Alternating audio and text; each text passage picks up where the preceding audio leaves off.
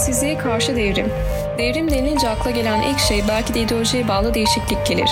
Oysa devrim kökten değişikliktir. İşte en büyük devrim sevgisizliğe karşı olandır. Sevgisizliği sevgiyle değiştirip onu kucaklamaktır. Aslında her insan sevgi doludur, hatta her varlık. Hayatımızdaki olumsuzluklar, aksilikler, dramlar, yoksulluklar veyahut sahip olduklarımız bizim bir noktada o sevgiyi unutmamıza sebep oluyor. Oysa sevgi her şeyi aşabilecek kadar büyük. Ademoğlu ya bunu düşünemedi ya da düşünmek istemedi. Ne geldiyse başımıza bu sevgisizlikten geldi. Sevgi bir ülkedir sınırları olmayan derdi bir şair. Hakikaten öyleydi. Koca bir ülkeydi sevgi sonsuzlukta. Sevgiyle var olmalı insan. İnandığımız her şey, ideolojiler, düşünceler, insanlar bizi yanıltabilir. Oysa yanıltmayacak tek kavram sevgidir. Celal-i Cemal'i çevirmediğimiz sürece celladın ta kendisi biz oluruz. Suni'nin Alevi'yi sevmesi, Yahudinin Müslümanı sevmesi, Müslümanın Hristiyanı sevmesi.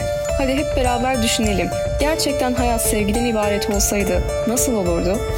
Evet, çok güzel olurdu. Savaşlar olmaz, çocuklar ölmez, insanlar üzülmez, din kavgaları sürmez, dünya yaşanılabilir bir yer olurdu. Peki o zaman biz neden sevgisizliğe karşı direniyoruz? Neden her şeyi sevgisizlikle bakıyoruz? Düşünelim. Bir çiçeği severek büyütürsek o çiçek daha da güzelleşir.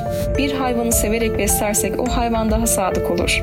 Bu duygusuz, akılsız varlıklar bu tepkileri verirken bir insanı sevince ortaya çıkan sonucu görmek mi zor olan, yoksa alışılagelmişin dışına çıkmak mı?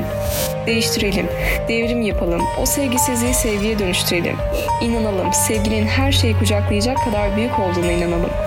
İnsanları dinlerine, ırklarına, renklerine göre sevmeyelim. İnsan oldukları için, aynı hücrelere, aynı duygulara sahip olduğumuz için sevelim. Sevelim ki dünya yaşanılabilen bir yeri olsun. Dünyanın çivisi çıkmış diyoruz. Oysa o çivinin neden çıktığını sorgulamıyoruz. Sevgi olmayınca can yakıyoruz. Ama dönüp de bunu düzeltecek erdemi göstermiyoruz. Ya hayatı önemsemiyoruz ya da önemsediğimiz hayatı farklı yapı taşları üzerine inşa ediyoruz. Mevlana der ki, küsmek ve darılmak için bahaneler aramak yerine sevmek ve sevilmek için çareler arayın. Kaçımız hayata geçirdi o sevda yüklü ustanın sözünü? Kaçımız sevmeye çare aradık? Biz sevmemek için bahaneler ürettik.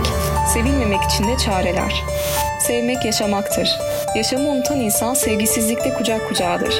Ve son söz şu ki sevmek en büyük sanattır.